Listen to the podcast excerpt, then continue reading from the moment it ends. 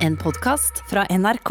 Det er slettes ikke alltid at partene i en pågående arbeidskonflikt, eller i en streik, da, vil stille til offentlig ordskifte, men det ville heldigvis partene denne gangen i busstreiken. Du skal få høre en debatt der eh, vi, redaksjonens eh, mål, delvis er å finne ut hva som skjuler seg bak parolene. Eh, det blir jo ofte sånn i en streik at begge parter har interesse av å tilsløre hva realitetene egentlig er. Du får vurdere selv om vi kom helt i mål med det. Det var også viktig for oss når vi først satte denne streiken på plakaten, å ta tak i eh, det som er et ganske tilbakevendende tema i debatten, nemlig lederlønninger. Og der har vi noen ganske, ja, hva skal jeg si, gode eksempler innen denne sektoren på ganske så sjenerøse lederlønninger innen eh, bussektoren, får man si. Og så prøver vi å nøste det hele sammen ved at vi får besøk av Bård Jordfall, forsker i Fafo, som setter eh, de eksemplene på lederlønninger vi kommer med, inn i en kontekst om norsk lønnsdannelse i sin helhet. Du hører eh, bussjåfør Bernt Erik Skjetne, Enny Solli, Jørn Eggum i Fellesforbundet, Sigrun Aasland i Agenda, Linda Jæger i Yrkestrafikkforbundet, Jon Stordrange i NHO Transport, Gunnar Stavrum, Nettavisen, som sagt Bård Jordfall i Fafo og Sigurd Grytten i Ruter. Han er styreleder der. Vi står midt i en pandemi, arbeidsledigheten er skyhøy, og de fleste må greie seg med nesten null i reallønnsvekst i år. Men eh, bussjåfør Bernt Erik Skjetne, hvor lenge har du jobbet som bussjåfør, og hva tjener du? Jeg har vært en stolt bussjåfør i sju år og har eh, gjort en god innsats for samfunnet og tjener ca. 450 000.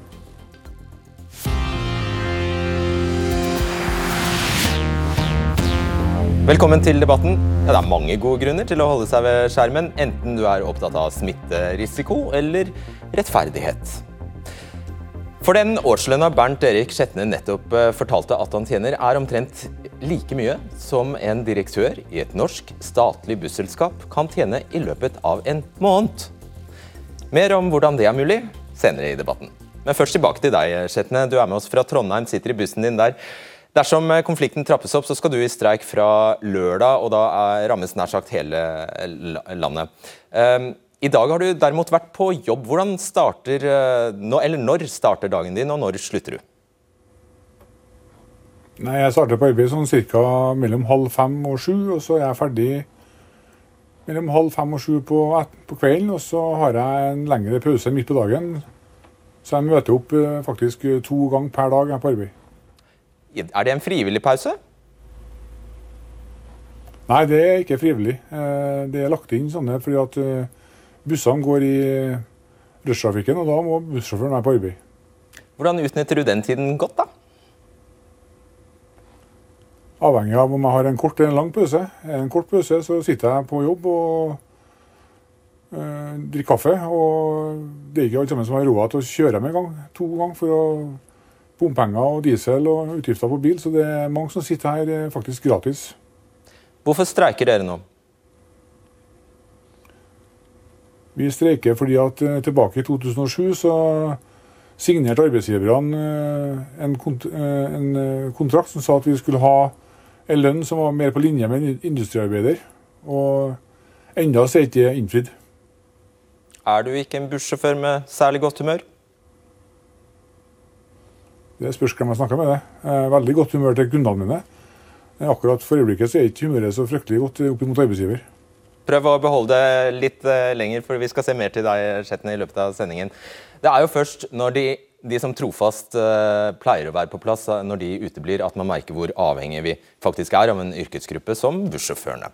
Når 4000 av dem er ute i streik i Oslo og Viken, ja da står bussene, og fra lørdag kan altså streiken bli landsomfattende. Jørn eh, Eggum, leder i Fellesforbundet. Hva er, eh, la oss ta tallene først. Hva er begynnerlønna og hva er snittlønna for en bussjåfør i Norge? Eh, Begynnerlønnen den er på ca. et sted mellom 355 og 360 000 kroner. Og snittlønn med alle tillegg, eh, når du jobber på den måten som han kameraten beskrev, så kan du komme opp i 450 000 kroner eh, året. Det er derfor det at vi mener at dette er en viktig streik. De har ventet til, altså fått 12 000 bussjåfører og deres familie.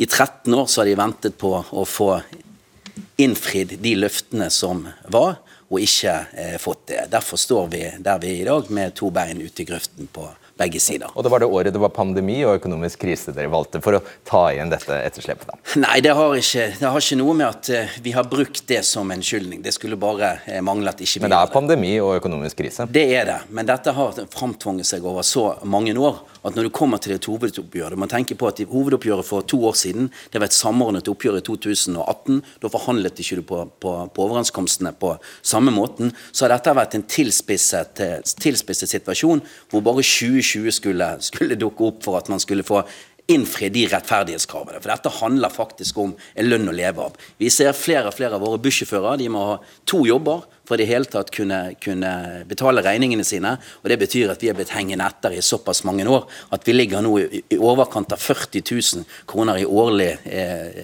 lønn lavere enn det som var intensjonen mellom NO Transport og de som organiserte transportarbeidere og da skal jeg bare supplere der, jeg vil ikke at du utdyper, men du, jeg, skal, jeg, skal, bare supplere at det du, de 40 000 du sikter til der, er altså fra denne eh, avtalen eh, som sa at eh, dere skulle opp på industriarbeiderlønn. Det er det spriket ja. der du snakker om da. Jon eh, Stordrange, du er administrerende direktør i NHO Transport. Og bussjåførenes motpart. Sikkert ikke alle som er kjempeklar over hvem du representerer, men dine medlemsbedrifter de kan hete ting som Boreal Norge, Vybuss, Tide AS og Unibuss og Norgesbuss. Hvor mye tilbød de egentlig? For det første så vil jeg starte med å si at Vi er den første til å beklage den streiken som har oppstått, ikke minst av hensyn til passasjerene. Altså Vårt samfunnsoppdrag er å frakte passasjerer til skole, til, uh, til eh, arbeid og til fritidsaktiviteter hver eneste dag. og Det kan ikke vi klare å oppfylle når bussene står og, og sjåførene er i streik. Det beklager vi veldig sterkt. Samtidig, så hvor mye tilbød du for å slippe å beklage? Samtidig syns vi at, uh, at det, selv timingen for aksjonen er ganske dårlig gitt dagens situasjon i Norge med økende smittefare og smitte, smitteutbrudd. Siste sjanse. Eh, ja, Hvor mye tilbyr du? Vi tilbyr nøyaktig det samme som andre grupper har fått så langt i dette oppgjøret. Det, vil si det samme som industriarbeidere har fått, det samme som eh, man har fått i kommunesektoren. akkurat det samme. Men vi har faktisk eh, tilbudt litt mer, fordi at våre medlems, våre arbeidslag har ikke lokal forhandlingsrett til lokale forhandlinger. Derfor gir vi litt mer på sentralt hold enn det de må gjøre for industri. Men det er på, akkurat på samme nivå som gitt på industri. Og, og industrien fikk 1,7 ja, Det var det, eh, ramma for ja. industrien. Så det er det du har tilbudt pluss litt til? er det du sier? Nei, for inkludert i den lønna, den anslaget på 1,7 til industrien, så ligger det en antakelse om hva man skal gi lokalt. Det er inkludert i 1,7 prosentene. Den delen av 1,7 eh, den har vi da gitt allerede sentralt for å kompensere for at vi ikke har eh, lokale oppgjør i bussbransjen. Så, men dere holdt dere innenfor 1,7? Innenfor yes. I realiteten har vi fått det samme som alle andre har fått til, har fått så langt etter oppgjøret. Mm. Hvorfor var det um, altfor dårlig, Linda Jæger, forhandlingsleder i Yrkestrafikkforbundet? og det, Vi kunne ha fylt opp hele den siden her med arbeidstakerorganisasjoner, for dere er mange, men nå har vi gjort et nennsomt utvalg her. Hvorfor er det for dårlig? Eh, arbeidsgiver kom ikke oss i møte med hensyn til våre økonomiske krav. Altså, vi har sakka akterut de siste årene i forhold til andre grupper og har et etterslep. Eh, og vi, eh, Arbeidsgiver viste ingen intensjoner under lønnsforhandlinger til å komme oss i møte med hensyn til den avtalen som vi har. Det tilbudet som vi har fått fra arbeidsgiver, er ikke i samsvar med ramma, og vi har skissert overfor arbeidsgiver under meklinga hvordan vi kan løse dette. Men arbeidsgiver viser ingen reell vilje til forhandling. Vi hadde hvor, mm. Så nøyaktig hvor mye krevde dere, og hvor mye ble dere tilbudt? Det har jeg ikke tenkt å gå inn på. Meglinga er fortrolig. Men vi er villige til å møte Jon Stordrange til konstruktive forhandlinger når som helst. da skal jeg slenge ut et rykte. 20 kroner per time. Det stemmer ikke. Det stemmer ikke. 10 kroner, da. Det sier jeg. Jeg går ikke nærmere inn på det. Men vi er villige. Vi har, vi kanskje har skissert hvordan vi kan begynne å tette dette etterslepet, og vi gjennomtar gjerne de forhandlingene. Så du, du, står her og sier at uh, en streik, som da selvfølgelig er ment å ramme tredjepart, det er jo hele poenget med en streik, en streik som altså lammer, og vi skal Nei. få flere eksempler på, på hvordan denne streiken rammer. Du mener at vi skal ikke få vite nøyaktig hva grunnlaget for denne streiken er. Vi krever en avtale som viser hvordan vi skal tette dette gapet som bussjåførene har fått, slik at vi på sikt kan, opp, kan, kan eh, oppfylle den avtalen som vi har om lønn mer på linje med industriarbeider. Men her viser NHO Transport ingen vilje. De bruker derimot pandemien som en brekkstam for å holde bussjåføren sin lønninger nede. Men du, det, det, du skal få, ja, du skal, du, skal, jeg vet hva du skal arrestere meg på. Jeg vet hva du skal jo, men vi, vi, vi, streiker ikke for å ramme tredjepart. Det er noe av det vi prøver å hindre aller mest. Men det er litt vanskelig når du snakker om bussjåfører. Da havner du litt, eh, litt lettere borti det. Ellers er det de arbeidsgiverne vi ønsker oss å ramme hvis vi bruker det alvorlige, lovlige virkemidlet som, som en arbeidskonflikt er. Det var mange timer her, og Vi ble angrepet for å skulle drive avtalebrudd. Jeg har lyst til å forklare hva som er bakgrunnen for det. Eh, det er riktig at da bussbransjeavtalen ble inngått i 2006, så var man enig om intensjon om at man skulle komme mer på linje med industriarbeiderlønn. På det tidspunktet, hvis man holder seg til teknisk beregningsutvalg sine tall, de beregner lønnsutvikling for alle sektorer i hele Norge, alle arbeidstak, alle driftsområder for år til år, så lå man da på 86% industriarbeiderlønn. Og så har vi da i en periode frem til fra 2014 2014 klarte å få opp på 92,1% av industriarbeiderlønn. Og så er det riktig at de falt tilbake til 91,2, med 0,9 prosentpoeng eh, etter 2018-oppgjøret. Eh, det er helt riktig, det var 0,9 prosentpoeng. Men det skyldes, som eh, var inne på den andre siden av bordet her, det er at man hadde et samordna hovedoppgjør i 2018. Og det var det ikke vi som ba om, det var det LO som ba om. Det, det var LO som ba om det, og hvis de misfornøyd med det, så må vi ta det opp med LO. Mm. Ikke med oss. Bare en liten detalj. Stemmer det at du mener bussjåfører ikke kan defineres som lavtlønte? Ja, det er riktig. fordi at Når man møtes i lønnsforhandlinger mellom LO og NHO, så er det alle som ligger under 90% industriarbeidere. De defineres som lavtlønnsgrupper. Og vi ligger som sagt på 91,2. Nei, altså det, det, det, det, er bare nødt til å gjøre helt klart. Vi har ikke forlangt 20 kroner timen. De 20 kronene som det refererer til, det kommer fra den andre siden av bordet.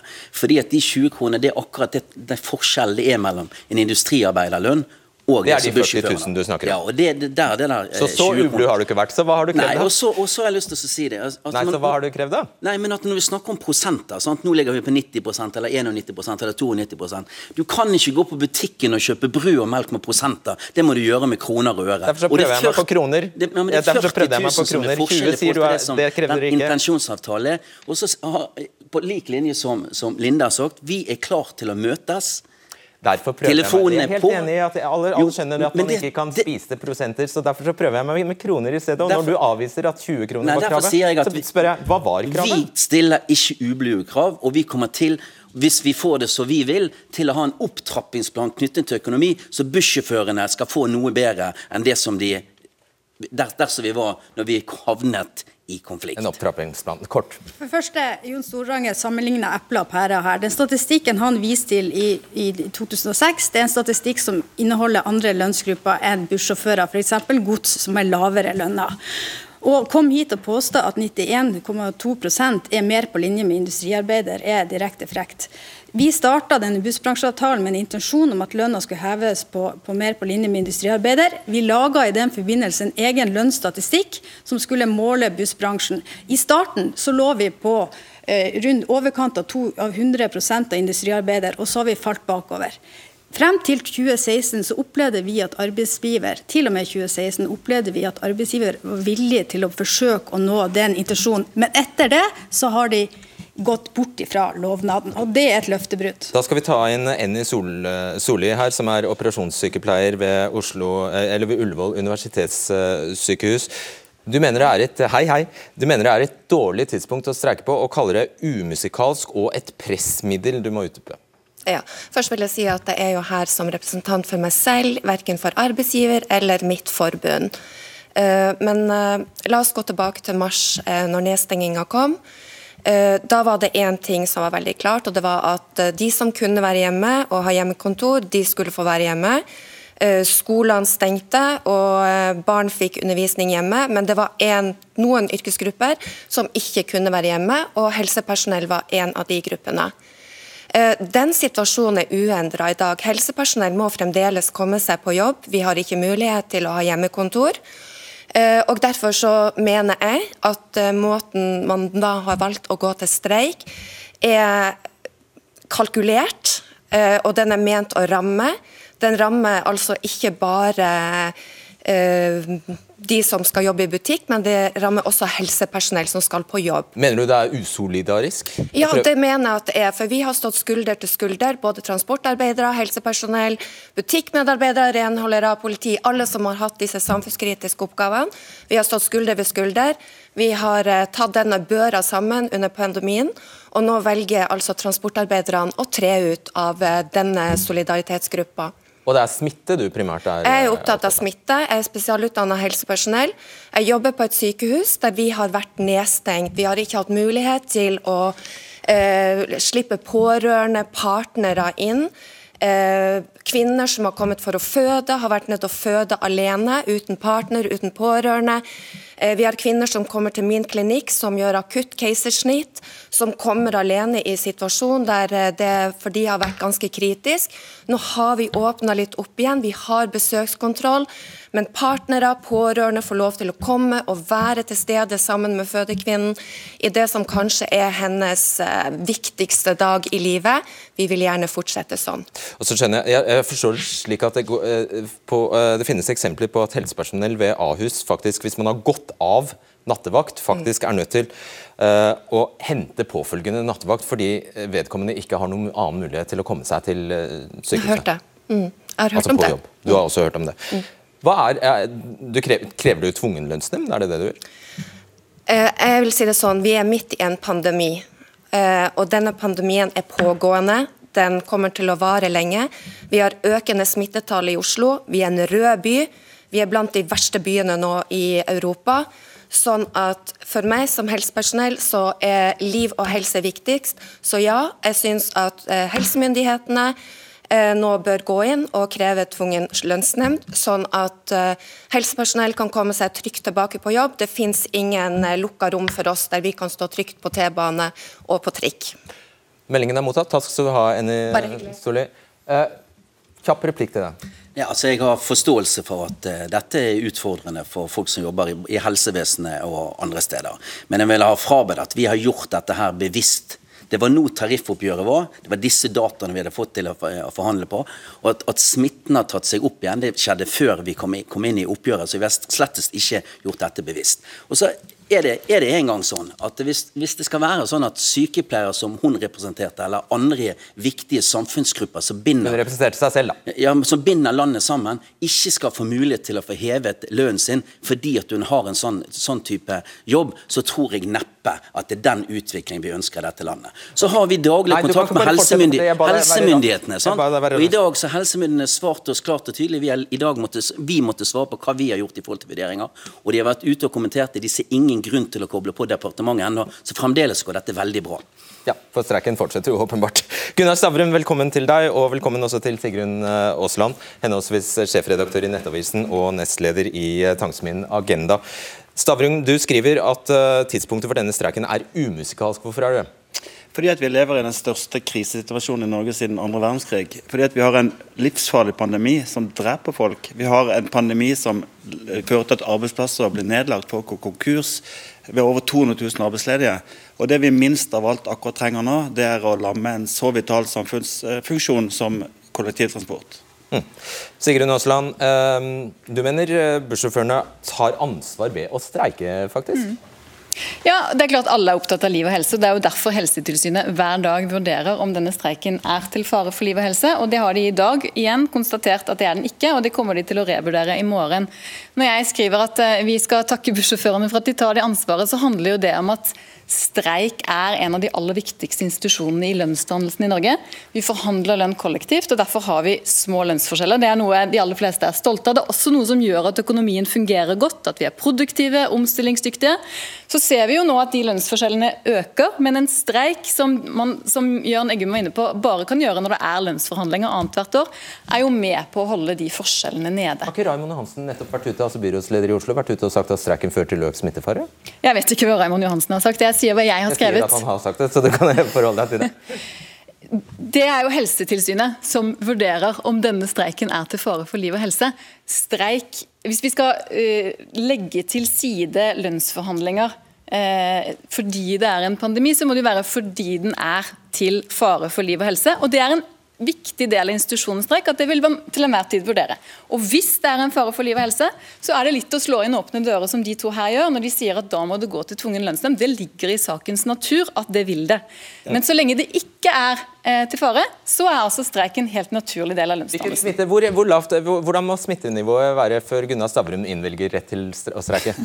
Ganske nær. Eh, I dag for eksempel, så når bussene står, så var trikkene i Oslo så fulle at enkelte steder var vanskelig å få det igjen. Og De som ikke tror at det fører til en økt smittefare, de har ikke fulgt med de siste seks månedene. Så det er klart at dette, vi må ta, vi må ta inn over oss at dette er en veldig farlig situasjon. Det er en veldig farlig situasjon, for dette kan føre til økt smitte. og Ikke nok med at det kan føre til mange dødsfall, men det kan føre til at de må stenge ned samfunnet igjen. Og at mange andre yrkesgrupper faktisk mister jobben som følge av denne hellige lønnsdannelsen som, som min motdebattant er opptatt av. Jeg tror ikke noen er uenig med det, men Nå jobber ikke Gunnar Stavrum og heller ikke Enny Soli i Helsetilsynet, så jeg har tillit til at Helsetilsynet gjør de vurderingene.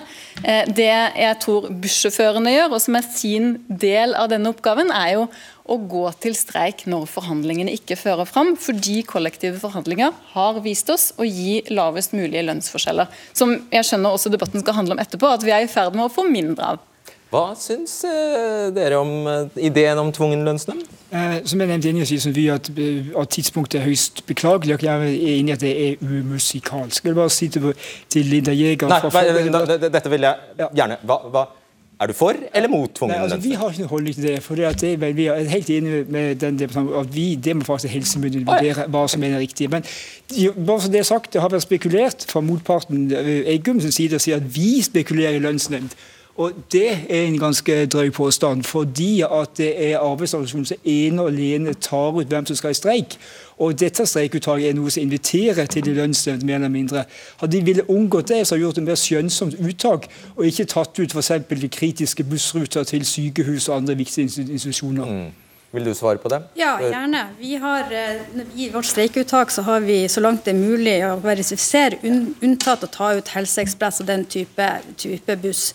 Vi har videre eh, ikke tatt ut Bybanen og Gråkålbanen for å sikre at det går annen transport i, eh, i Trondheim og i Bergen.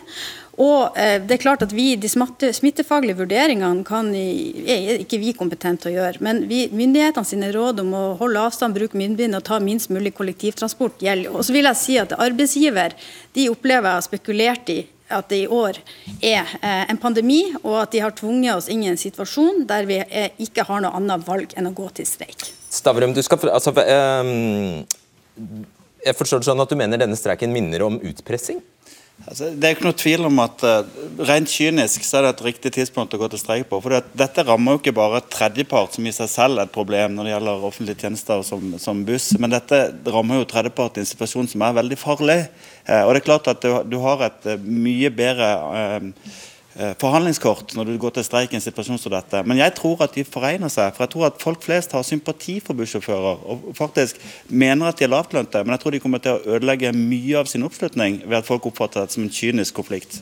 Vil dere, dere trapper, hvis dere trapper opp eh, streiken på lørdag, ta hensyn til hvor det er mye smitte i landet? Vi kommer til å trappe opp eh, streiken på, på lørdag. Vi har meldt plassfortredelse for det. Da, kommer det, da er det 8500 totalt sett som er ute av bussjåfører. Men fremdeles er jo det siste uttaket hvor vi har denne nødvendige transporten som går på, på helsepersonell, helsetransport. De er ikke berørte da heller. Men det blir flere fylker. Nå skal du svare på spørsmålet? Det, ja, men det blir flere fylker. Det, altså Streiken blir utenfor bare sentrale ja, Vil dere ta hensyn til Hva med Bergen, f.eks.? Ja, men Bergen har vi Bybanen åpen nå. Der er det bussene ja, så dere, ja, det er et enkelt spørsmål. Vil dere ta hensyn til hvordan smittekartet ser ut når dere trapper opp streiken? Ja, for Disse har vi allerede meldt plassfortredelse for. Så svaret er egentlig nei? Altså, det, De har allerede gått i. Ja, Så svaret er nei? Ja, altså, Hva som skjer i dagene framover, det har jo ikke vi noe oversikt over i det hele tatt. sant? Altså, hvordan det kan, det, Alle kan lese et kart. Jo, de... Det er jo ingenting, det er jo ikke tog som ikke kan stanses, dette her. hvis dere. Hvis dere vil... Nei, men vi har hensyntatt der, det, der det andre stedet det er stort eh, smittevolum, og det er Bergen. Der har vi ikke tatt ut absolutt alt som vi gjør i andre fylker. Ja, Men her skjer jo ting kjemperaskt. Altså, Du kan ikke ta utgangspunkt i flere dager gamle kart, f.eks.? Nei, jeg må ta utgangspunkt i flere dager for å få varslet plassfortredelse for bedrifter som skal ut, og medlemmer som skal ut i, i, konflikt. Det er ikke sånn som du bare gjør sånn med det, Fredrik. Nei, eh, det kan godt hende, men jeg, altså, jeg, ok, oppsummert. Dere tar egentlig ikke hensyn til hvor, hvordan det smittekartet ser ut på lørdag. Nei, nei på lørdag er plastutfratredelsen allerede gått. Ok, greit. Jeg har bare lyst til å si jeg er enig med Stavrum at jeg tror bussjåførene har stor sympati. Alt det jeg har registrert de siste dagene, er at de aller fleste skjønner godt at en gruppe som tjener mindre penger år for år, går til streik når forhandlingen ikke fører frem. Eh, om det da er sånn at de, mest, de lavest lønte skal betale prisen for smittevern, kunne man jo spurt seg om, så akkurat de samme spørsmålene går jo til den andre siden av bordet også. Eh, hvem er det nå som skal bære kostnaden? Eh, men dette er jo en gruppe som har hatt en avtale som ikke har blitt fulgt opp, og som har tjent stadig mindre gjennom årene. Egentlig var det en veldig god idé, for du kan jo ikke akkurat ha lagt deg selv du ser rundt deg at vi er i en farlig situasjon. Likevel lar du dette skje. Ja, nå var først å jeg at Det hjelper ikke med Helseekspressen i går, verken til Ullevål eller til Radiototalt. Det ikke er noen folk der stiller seg imot pasientene. Og det er ikke de folkene kommer på jobb, så er det ingen stiller seg imot de pasientene kommer helsepressen. Derfor burde det tenkt annerledes av uttaket. Og Det er arbeidsgivertakers siden, som har ansvar for det uttaket. Eh, så når det gjelder akkurat det med at du eh, egentlig indirekte påstår at ikke, de ikke har tapt lønn fra år til år. De har ikke tapt lønn, de har fått bedre kjøpekraft, men de har fått tapt litt i forhold til, i forhold til industriarbeider. Igjen for å si hvorfor de har gjort det. fordi at Det er faktisk ikke bare bussbransjen som har et problemer i forhold til industriarbeiderbegrepet. Og Det tror jeg at Egon kjenner godt til som leder av Fellesforbundet. Og Da vet han at uh, i Norske Industriarbeidere det var de siste 14 år så er faktisk 17% færre industriarbeidere i Norge. Og Da er spørsmålet hvem er de som har blitt borte? Jo, det er de industriarbeiderne som hadde lavest lønn, og deres arbeid er enten automatisert Så bussjåførene skal faktisk straffes Nei, for at det er få industriarbeidere igjen, og de som er igjen, tjener relativt bedre? Jeg bare forklarer hva som har skjedd rent statistisk sett. Det var jo det du sa. Nei, jeg sa at det, industriarbeiderne, de 17% som har blitt borte, de har blitt borte fordi de har automatisert deres arbeidsoppgaver, eller flyttet utlandet ja, jeg hører hva du sier. Ja. Du sier at det, er betyr, færre ja, igjen av industriarbeiderne, og de som er igjen, de tjener mer, sånn at den avtalen de hadde det betyr at gjennomsnittslønna for industriarbeidere den blir høyere, for da er det bare de høytlønte som er igjen i ja. industriarbeidergruppa. Ja. Og, og det straffes bussjåførene for, for at nei, industriarbeiderne relativt har økt lønna si. Ikke den samme nå som var i 2006. og For, for sammensetningen annerledes med en annen struktur, som gjør at du har fått en lønnsoppgang som er naturlig for andre grupper. Så alle bransjer som er personalintensive og høye personalkostnader, har problemer med å følge med industriarbeidernivået. Det gjelder ikke bare oss, det gjelder andre tilsvarende bransjer med høye personalkostnader. Vi løste det ikke, det var vel heller ikke å forvente, men takk for at dere kom. Lykke til.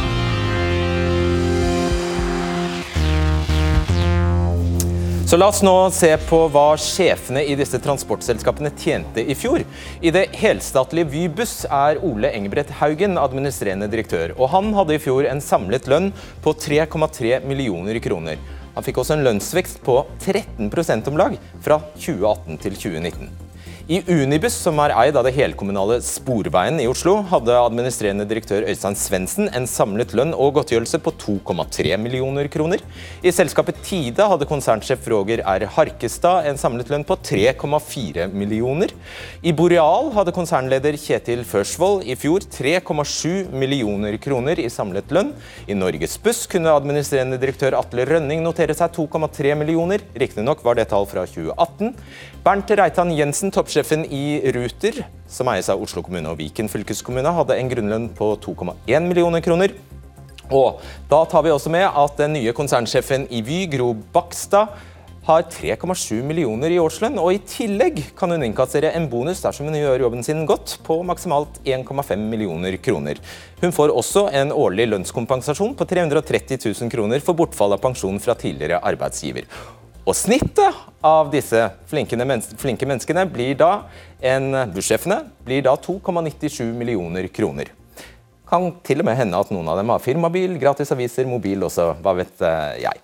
Eh, Bernt Erik Skjetne, igjen eh, bussjåfør. Vi har jo selv begynt å omtale seg som et busselskap og ikke et togselskap lenger, ettersom de taper anbud på anbud på jernbanen. Hva syns du om at konsernsjefen, altså toppsjefen her, tjener din tjener 3,7 millioner og kan få bonus på inntil fem månedslønninger.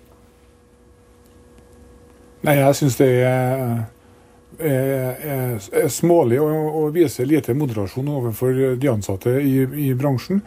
Og jeg vet ikke om det er noen eh, som fortjener så mye i lønn, egentlig.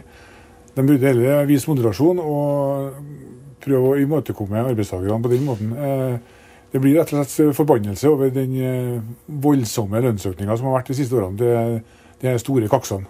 Men det viser seg altså at Gro Bakstad hun har jo ikke da så veldig mye arbeid med bussdriften, for det finnes et eget selskap som heter Vy buss, der du faktisk jobber. og Der sitter altså enda en direktør, Ole Engebrett Haugen, og tjener 3,3 millioner, inkludert bonus.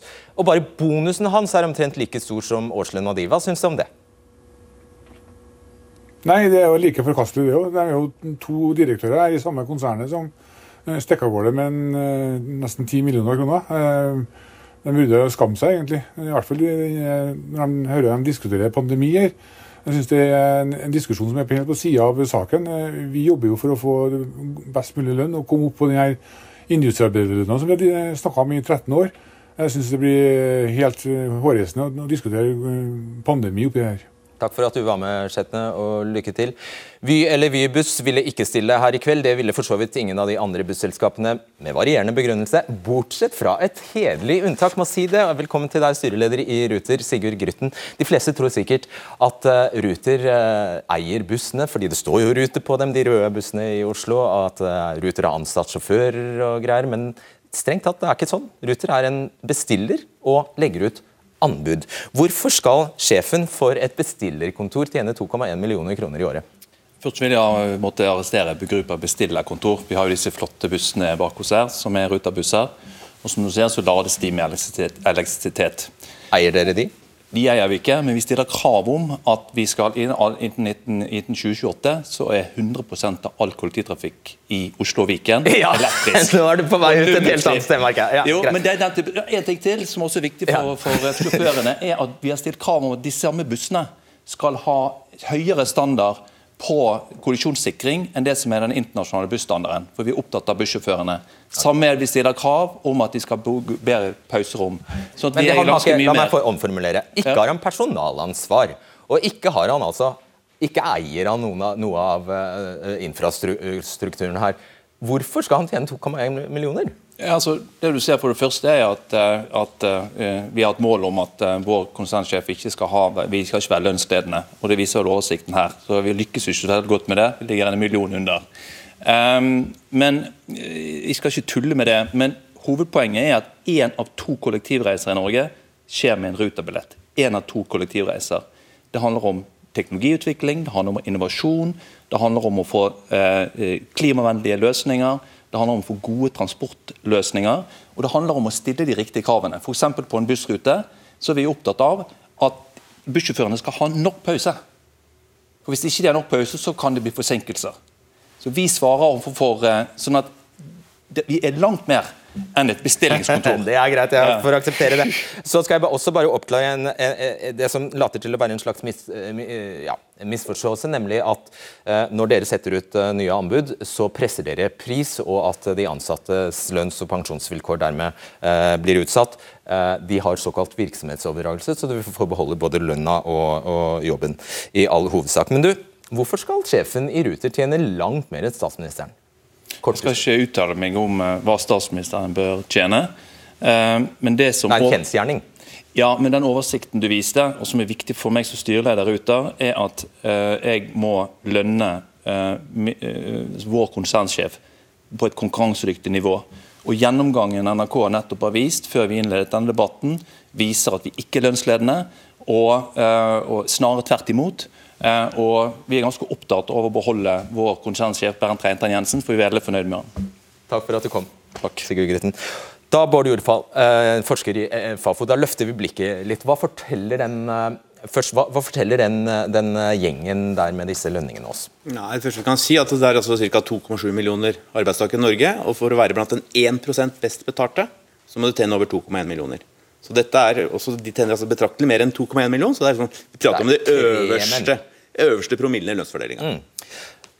Er det noen som gjør seg fortjent, når, når, du da ser, ser, på den totale lønnsdannelsen i Norge, er det noen som er, faktisk er så flinke vil du tro at de fortjener en sånn lønn? Ja, Det er vanskelig for meg å si. men det er klart at det som har sett, Hvis vi ser på lønnsutviklinga de siste 20 årene, så har vi fått økte lønnsforskjeller. og Det er særlig knytta til at de høyest lønte har økt lønningene sine, og de lavest lønte har ikke hatt samme lønnsveksten. Så det har skjedd, altså? Det har skjedd. Hvis vi går tilbake til 2000, så tjente altså en tradisjonell høytlønt tre ganger så mye som en tradisjonell lavtlønt. Mens i dag så er det gapet økt til fire. Og Da prater vi om de 10% øverste eh, lønnede, og ikke den øverste, øverste promillene. Og hvorfor skjer det? For det er jo ingen som digger det. Ja, nei, Det er et godt spørsmål hvorfor det skjer. For Det skjer til dels, det som skjer i bånn, altså fravær av tariffavtaler. Og så er det selvfølgelig det som skjer i topp, på, på de øverste i lønnsfordelinga. Så er det forhandlingsmakt, altså individuell forhandlingsmakt. Og det er også bransjer som kanskje går bra, som advokatbransje, konsulentbransje, som den type styringer, også drar ifra. I hvor stor grad smitter deres høye, høye lønnsnivå over på kravene til grupper, yrkesgrupper som bussjåfører. Det, det, er klart at hvis, du, hvis, direktøren din er tigangeren den vanlige arbeidstakeren, som det var med eksemplene her, så er det klart at det, det fyrer jo ikke akkurat mindre opp. for å si det sånn. Altså, vi har, tradisjonelt har vi vært et samfunn med ganske små lønnsforskjeller, men de øker også hos oss, i likhet med de fleste europeiske land. Siste spørsmål. Eh, dette, de flere av de selskapene vi så eksempler på her, det er jo tidligere rene etater, statlige eller kommunale etater. Det var det offentlige.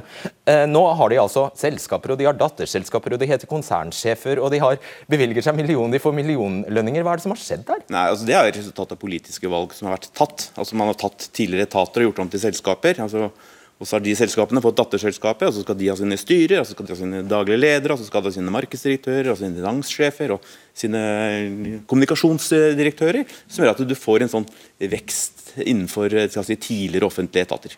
Ja, Og det bidrar til at lønningene øker? Ja. Ok, tusen takk. Og tusen takk for at du bruker tiden din til å se debatten. Det er jeg veldig glad for. Vi ses allerede torsdag.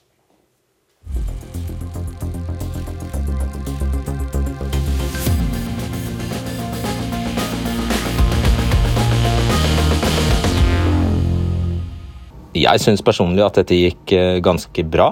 Eh, som vanlig så skulle vi gjerne hatt mer tid, men samtidig så eh, tror jeg at det fungerer slik at når du blir sittende igjen og ønsker mer, så er det et godt tegn.